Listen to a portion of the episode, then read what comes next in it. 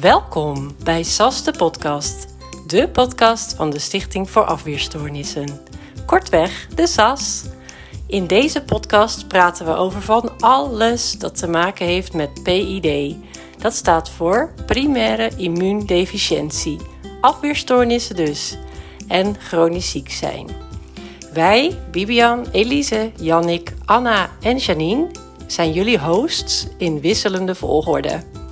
Wij zijn als vrijwilliger betrokken bij de SAS. Wij zijn ervaringsdeskundigen en patiënten met een afweerstoornis. De persoonlijke ervaringen in de gesprekken zijn geen medische adviezen. Vergeet je niet op deze podcast te abonneren op jouw favoriete podcastkanaal. Volg onze socials en blijf op de hoogte over afweerstoornissen.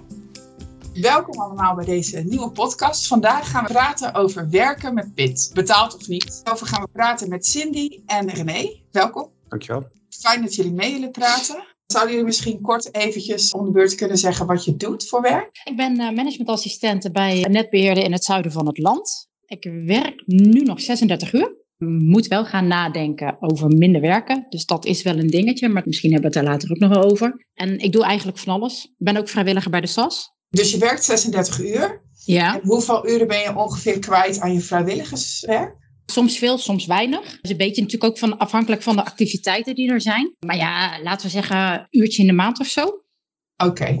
En wat is je functie bij de SAS als vrijwilliger? Ik doe mee aan Student Meets Patient. Ik zit dan in de werkgroep evenementen. Ja, en een beetje afhankelijk van welk evenement er is, is het ook een beetje afhankelijk van hoeveel, ja, hoeveel tijd je daaraan kwijt bent. Uh, de ene keer is het meer en de andere keer is het minder. En jij René? Ik ben uh, taalvrijwilliger in uh, gemeente Roosendaal. Dus dat betekent dat ik in mijn vrije tijd spijker ik de Nederlandse taal bij, bij mensen voor wie dat nodig is. Dat kunnen anderstaligen zijn, maar ook mensen die hier zijn geboren met een taalachterstand. En tot vorig jaar heb ik nog vrijwilligerswerk gedaan op de basisschool van onze dochter. Wij hebben een zoon, die zit inmiddels op de middelbare. En af en toe doe ik mee met een studie voor het Erasmus MC. En hoeveel tijd ben jij kwijt als vrijwilliger ongeveer?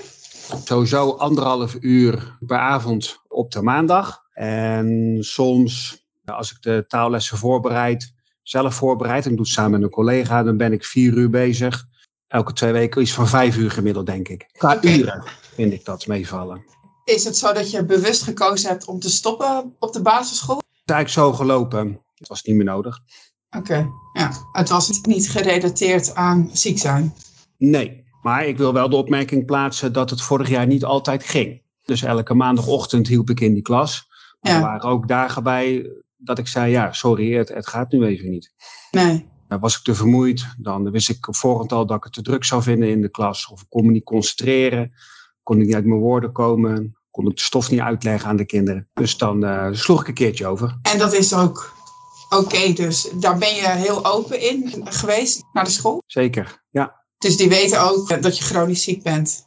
Ja, en dat weten ze ook bij uh, de organisatie waar ik uh, taalvrijwilliger ben. Dat heb ik met name gedaan om mezelf in bescherming te nemen. Oké. Okay. Ik ben van nature daar niet zo heel erg open in. Ik vind het lastig om mezelf ja, kwetsbaar op te stellen. Maar ik heb wel gemerkt om mezelf ja, in bescherming te moeten nemen. Dus zulke dingen te gaan benoemen. En wat maakt dan dat je in bescherming moest nemen? Dat, dat je dat weet van jezelf? Omdat ik anders over mijn grenzen heen zou gaan. Dus dan zouden er bijvoorbeeld momenten zijn waarop ik weet dat het niet gaat. En dan ga ik toch. En dan ga ik mezelf forceren. En dan een paar dagen later betaal ik dan daarvoor de rekening. Daar heb ik niks aan en daar heeft mijn gezin ook niks aan. En dat heb ik, in alle eerlijkheid heb ik dat veel te lang geprobeerd. Mij heeft het uiteindelijk niks opgeleverd. En hoe is dat voor jou dan, Cindy? Ja, bij mij weten ze het al vanaf het eerste moment. De, de ziekenhuisbezoeken en zo. Nou goed, dat was eerst op woensdag, dan gewoon onder werktijd. Nou, inmiddels is dat op de vrijdagmiddag. En dan heb ik sowieso vrij. En die infusie doe ik ook door de week. Dat is dan voor mij gewoon geen belemmering. En het maakt het voor mij wel heel makkelijk dat ze het weten.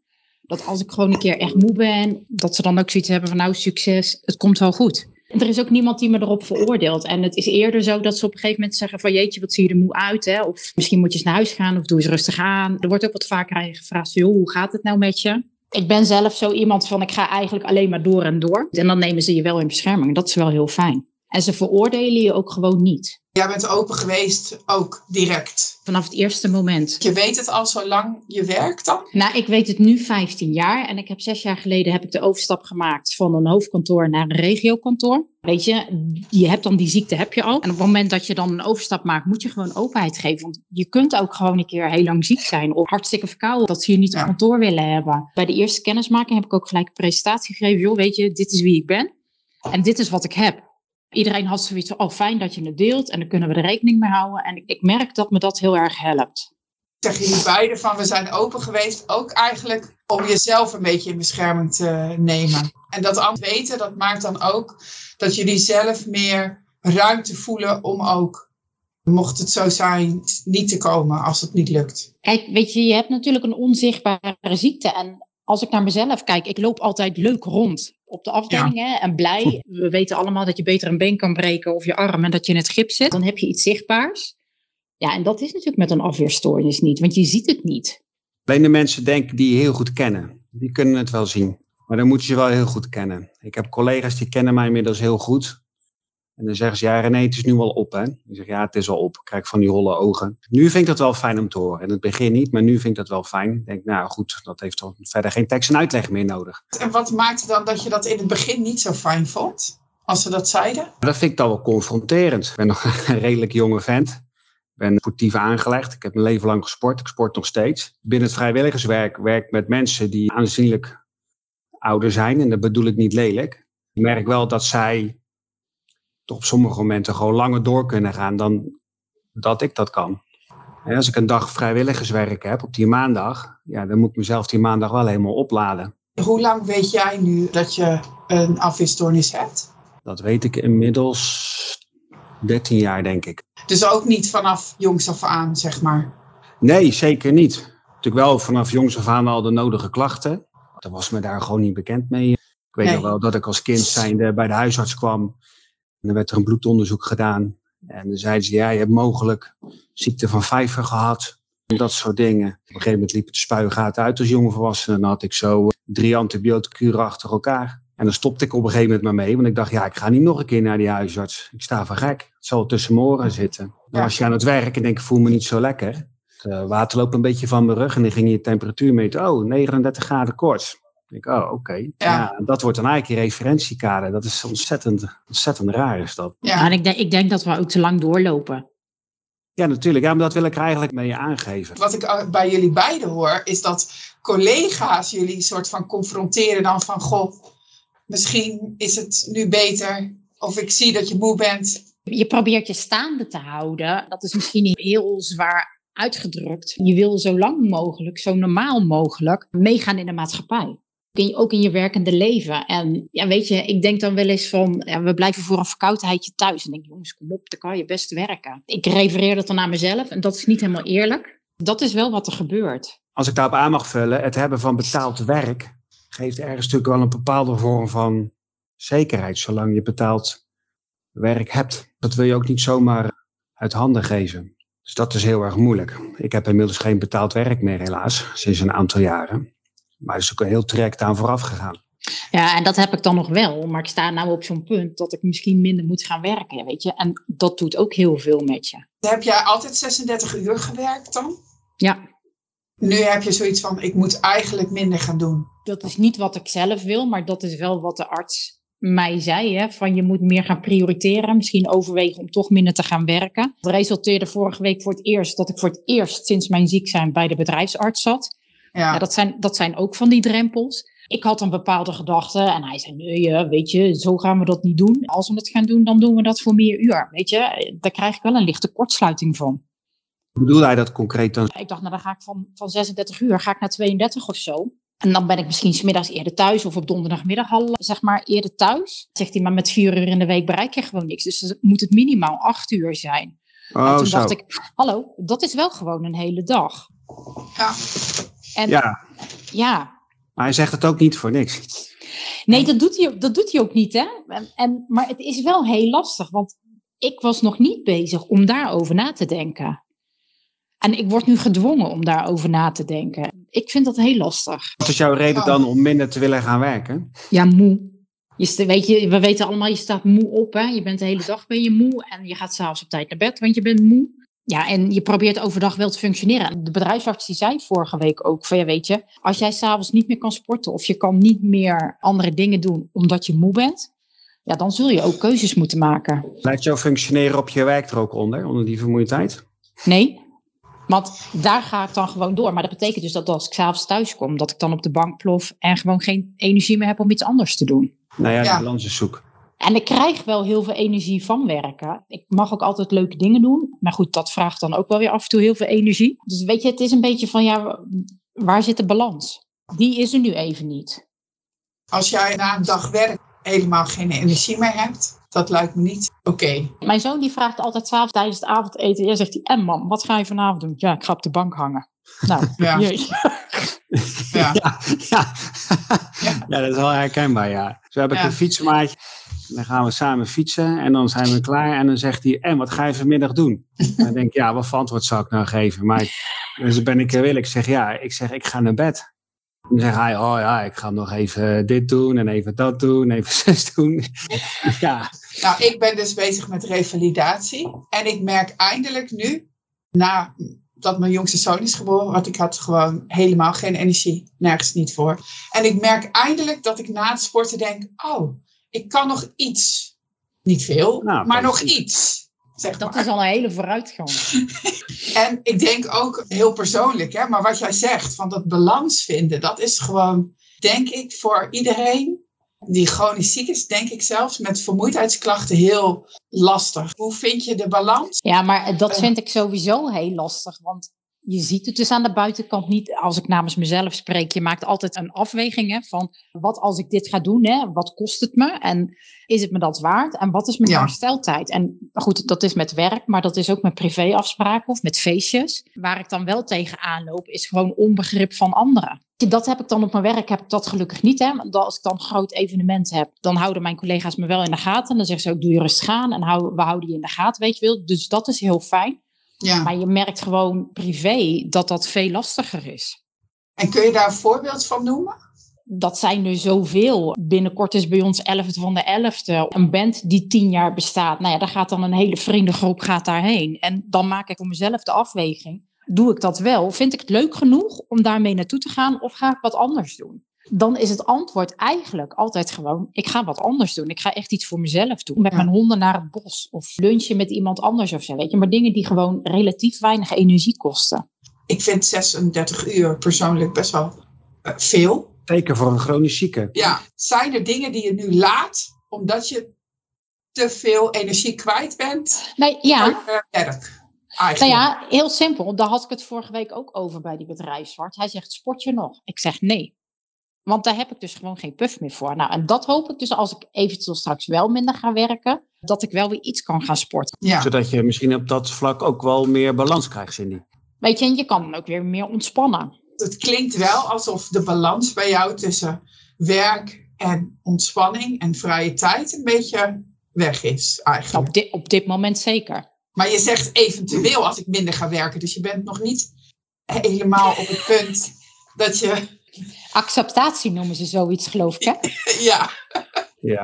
Maar heb ik Ja. eigenlijk ook wel even een vraag aan jullie, hè? want we hebben het nu over balansen. Maar ik denk dat balansen verder gaat dan alleen het indelen van je werk- en privéleven in een schema. Want waar ik bijvoorbeeld zelf tegenaan loop, en dan zal mijn vraag aan jullie zijn in hoeverre dat herkenbaar is, dat de energie per dag enorm verschilt.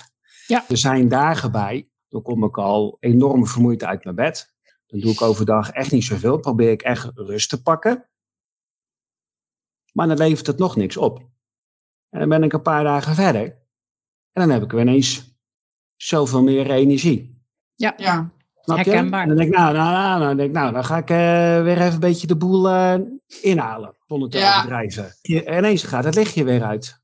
Snap je? Maar dan denk ik, ja, nu heb ik de energie. Dus dan, ja, dan ga ik ook wel lekker mijn ding doen. Ja, een beetje overcompenseren zijn we denk ik ook heel goed in. Ja, dat, dat heb ik inmiddels wel afgeleerd.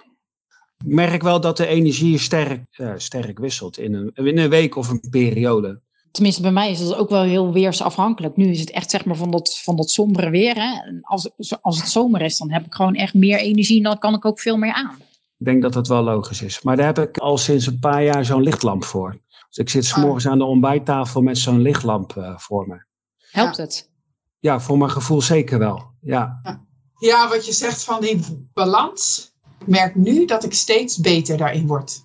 Dus dat ik steeds beter kan inschatten van s ochtends van oké, dit kan ik doen, dit kan ik niet doen, dit moet ik laten varen. Dat doe ik dan ook gewoon. Als mensen aan mij vragen, dan ben je moe. Dan zeg ik nee, ik ben niet moe. Ik ben vermoeid. Dat vind ik heel wat anders. Als je moe bent, dan ga je vroeg naar bed. Dan slaap je bij en de volgende dag kom je verkwikkend uit je bed. Als je vermoeid bent, dan kan je soms zo moe zijn. En mijn immunoloog heeft het ook uitgelegd. Hij zegt nee, hij zegt als jij zo moe bent en je wil overdag functioneren, dan ga jij vaak forceren. Onbewust ga je forceren om je dag rond te krijgen. Hij zegt, dan ga je cortisol aanmaken. Een cortisol stresshormoon. Door het aanmaken van het stresshormoon is de kans heel groot dat jij slecht slaapt. En dan kom je in een soort vicieuze cirkel. En dan word je s morgens vroeg word je niet verkwikkend wakker. Dan ben je nog kapot. Ja. En dat is heel wat anders. Dan ben je vermoeid. En dan ben je moe, dan ga je lekker slapen en dan kan je er wel weer tegenaan. Sommigen begrijpen dat wel, sommigen niet of minder. Ja, dan denk ik jammer.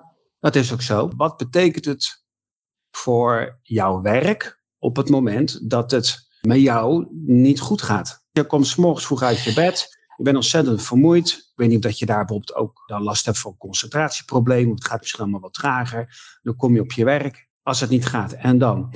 Nou ja, kijk, als het echt niet gaat, dan kan ik gewoon thuiswerken. En dan kan ik gewoon heel rustig aan doen en gewoon mijn ding op mijn tijd. Hè? En als ik dan denk van, nou, het gaat even niet, dan ga ik een uurtje op de bank liggen of een uurtje naar bed of nou ja, iets ontspannends. Dat, dat kan van alles zijn.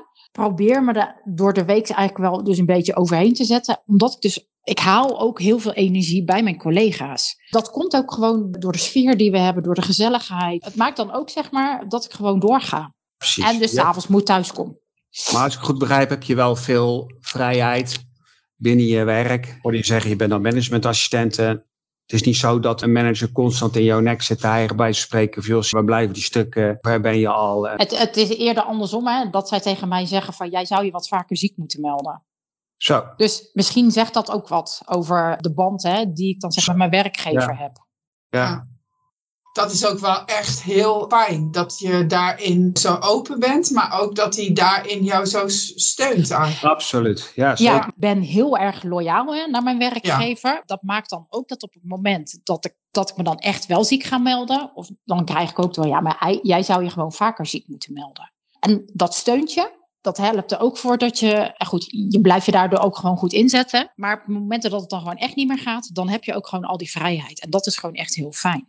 Het is eigenlijk een soort vangnet. Daar ben je dankbaar voor. Ja, nee, dat snap ik. En als jullie nou terugkijken, zeg maar, toen je de diagnose hebt gekregen. Als je nou terugkijkt, zou je andere keuzes hebben gemaakt met betrekking tot werk, achteraf gezien? Absoluut. Ik ben begonnen als accountmanager. Dat is een commerciële buitendienstfunctie voor een vrij grote regio hier in Nederland. Ik was ook salesafhankelijk. Ik ervaarde heel veel werkdruk. In die zin, op het moment dat ik ziek was, kon ik geen uh, afspraken maken en dan kon ik ook geen omzet draaien. En op een gegeven moment had ik me best vaak ziek gemeld. En dan ga je natuurlijk ook gesprekken krijgen op je werk. Op een gegeven moment dacht ik van, ik meld me niet meer ziek. Eén keer in de zoveel tijd had ik van die meedraaidagen. En dan ging de commercieel directeur ging met jou mee op een relatiebezoek. En dan zat ik met 40 graden koorts aan tafel dan kan je natuurlijk voorstellen dat dat gesprek, dat komt misschien maar voor 40% aan. Wat je hebt met je klant op dat moment. En dat krijg je later weer terug van je commercieel directeur in de evaluatie. Van joh, nee, dit is ontgaan en daar ben je niet op ingegaan. Dus daar ga je niet beter van voelen. Dus achteraf gezien zou ik wel voor een ander soort baan hebben gekozen. Nu mis ik ook hele andere dingen, nu ik al een paar jaar niet meer werk. Dan dat ik op voorhand had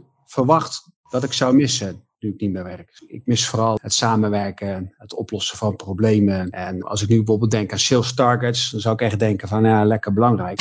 Ja, ja je gaat gewoon heel anders naar je leven kijken en naar wat je belangrijk vindt. Heel anders, ja. Dus jij zou het anders doen en wat voor baan zou je dan, hoe zou het er dan uitzien als je nu terugkijkt? Ja, ik zal kiezen voor een baan waarbij ik meer zal samenwerken in een team. En waarbij de resultaten van het werk niet volledig afhankelijk zijn van mijn inzet. En dat het even niet meer gaat, of minder gaat, of helemaal niet gaat, dat ik het stokje dan ook kan overdragen aan een ander, zonder dat ik daarbij druk voel. Dat. En ook werk uh, wat ik makkelijker los zou kunnen laten. Werk wat ik heb gedaan, daarbij zat ik s'avonds ook managementrapportages te maken, gesprekken voor te bereiden voor de volgende dag, mailtjes te beantwoorden. Ik zal nu meer kiezen voor werk waarbij ik uh, aan het einde van de dag naar huis ga. Dat nog s'avonds nog tijd en ruimte is voor andere dingen. Voor je eigen ding. Ja, ja, precies. En jij, Cindy? Ik zou het niet anders doen. Nou goed, ik heb zes jaar geleden een overstap gemaakt. Voor die tijd had ik een reistijd van uh, iedere keer ruim een uur. 20 minuten, weet je. Dus dat ja. is wel heel belangrijk. Hè? Hoeveel reistijd heb je ook, hè? Maar qua functie zou ik denk ik gewoon hetzelfde kunnen doen. Want ik kan dus wel gewoon om half vijf naar huis gaan of om vijf uur. Dan is het ook gewoon klaar. Je hebt dus wel ook een topwerkgever. Hebben jullie ja. nog vacatures openstaan, Cindy? ja. Zat. Zelfs, zelfs in Roosendaal. Oh, dat meen je. ja. Ik ben schoolmaatschappelijk werker. En wat ik dus merkte, op een gegeven moment had ik hoofdpijn aanvallen. En dan stuurde ik mezelf, de, de afspraak gaat niet door, mailtjes en zo. Dus in plaats van naar degene met wie ik de afspraak had, stuurde ik dat dan per ongeluk naar mezelf. Omdat ik gewoon zo'n hoofdpijn had dat ik niet meer goed kon nadenken. Dan, dan ben je ook al een paar stappen te ver gegaan dan ben je al een paar stappen te ver. Alleen het probleem is dus dat ik ook een hele leuke werkgever en alles had. En ik wou ook, ik wou niet stoppen.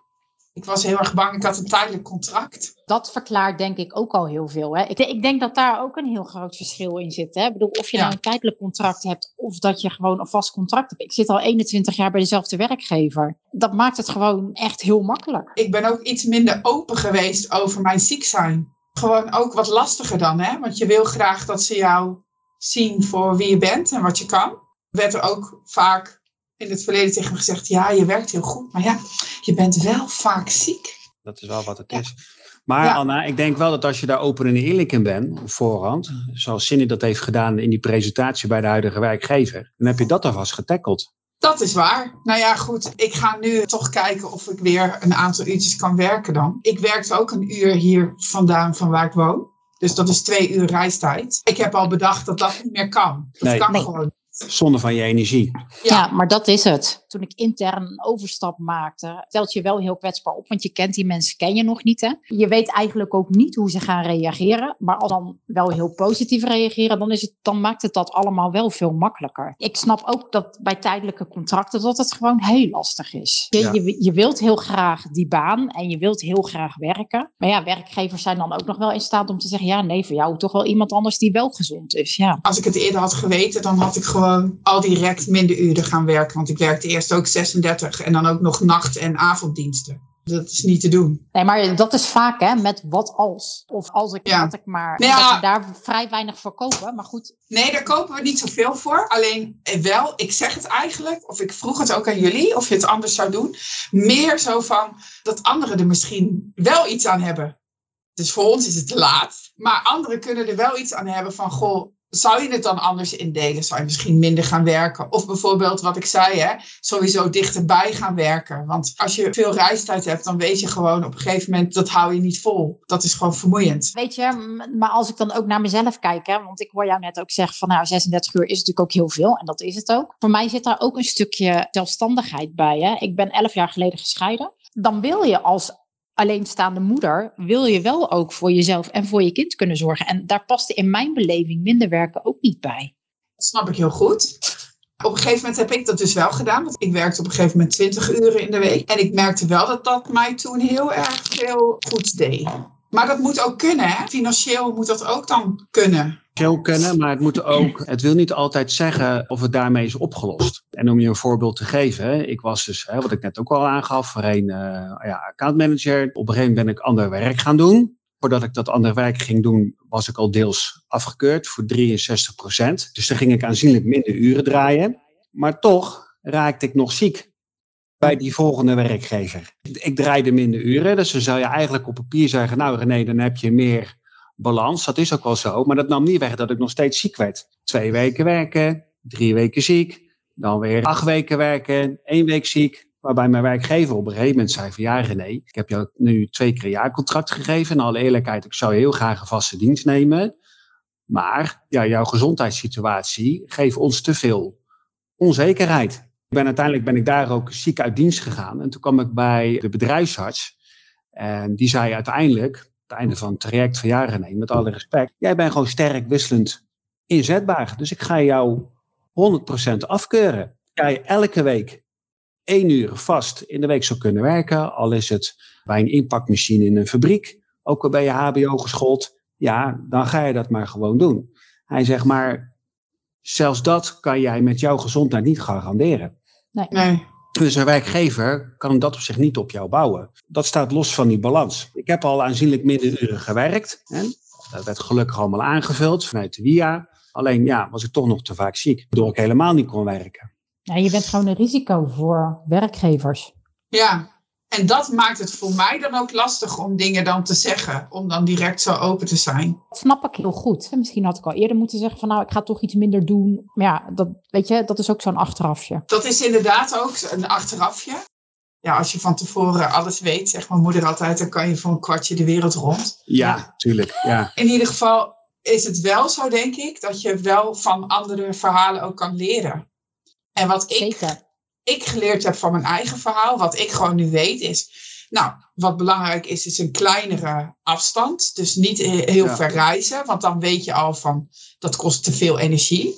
In de coronatijd heb ik gemerkt dat heel veel van mijn werk ook best thuis te doen is. Goeie. Ik denk dat heel veel mensen dat veel meer nu ook accepteren, ook werkgevers.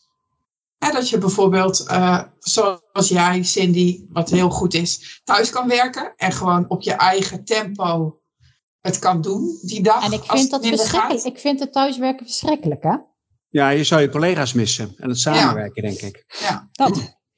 Maar het is Maar- praktisch, inderdaad. het kan wel. En het feit dat die mogelijkheid er is, is denk ik wel, dat verlicht wel. Ook dat. Maar weet je, kijk, voorheen was het van als je je niet lekker voelde, dan meldde je je ziek. Als je je niet lekker voelt, ga je thuiswerken. Je blijft ook wel grenzen verleggen. Ik denk dat dat ook heel erg een thema is bij jou, Cindy, en het werk. Daarmee bedoel je, Cindy, dat je de grens blijft verleggen van eigenlijk gaat het niet, maar ik kies ervoor om dan maar thuis te gaan werken. Nou, als het echt niet gaat, dan ben ik ook gewoon ziek, hè. Maar dan lig ik dus ook gewoon echt in bed. Maar als ik nu heel erg verkouden ben, ja goed, dan hebben ze liever niet dat ik op kantoor kom. En dat snap ik ook. Maar dat is dan voor mij geen reden om te zeggen van nou, ik ga me ziek melden. Dan denk ik van ja, weet je, ik kan best blaffend achter mijn laptop mijn werk doen. Willen ze dan niet dat je naar je werk gaat dan? Als je mij hoort blaffen, dan snap ik dat echt. Want dan, dan hebben ze ook het idee van eh, dat ik er een stik of... Ja. Weet je, dat moet je voor jezelf dan ook niet doen. Maar dat moet je voor de anderen ook niet willen. Nee. Nee, oké. ik denk wel dat het heel goed is om naar jezelf te blijven luisteren op zo'n moment van, goh, kan ik het wel thuis?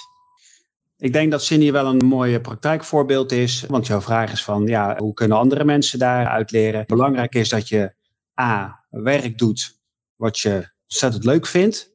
Wat dus energie oplevert. En ook werk waarin jij vrijheid hebt. En ook een soort van, misschien niet helemaal het goede woord, maar een soort van sociaal vangnet binnen de organisatie. Een organisatie die eh, zich goed kan verplaatsen in jouw situatie. En die daarin in meedenkt. Ik denk dat dat een mooie samenvatting is. Dat denk ik ook. Eigenlijk is de conclusie dat het heel erg persoonlijk is allemaal. Ja, Ja, dat is dat heel denk ik wel, samengevat. Ja, Ik wil jullie heel erg bedanken voor het gesprek. heel graag gedaan. Tot de volgende podcast. Bedankt voor het luisteren naar weer een nieuwe podcast van SAS de Podcast. De volgende keer gaan we praten met José en Sian over vrijwilligerswerk. Een speciale bonusaflevering. Zeker luisteren. Tot de volgende keer.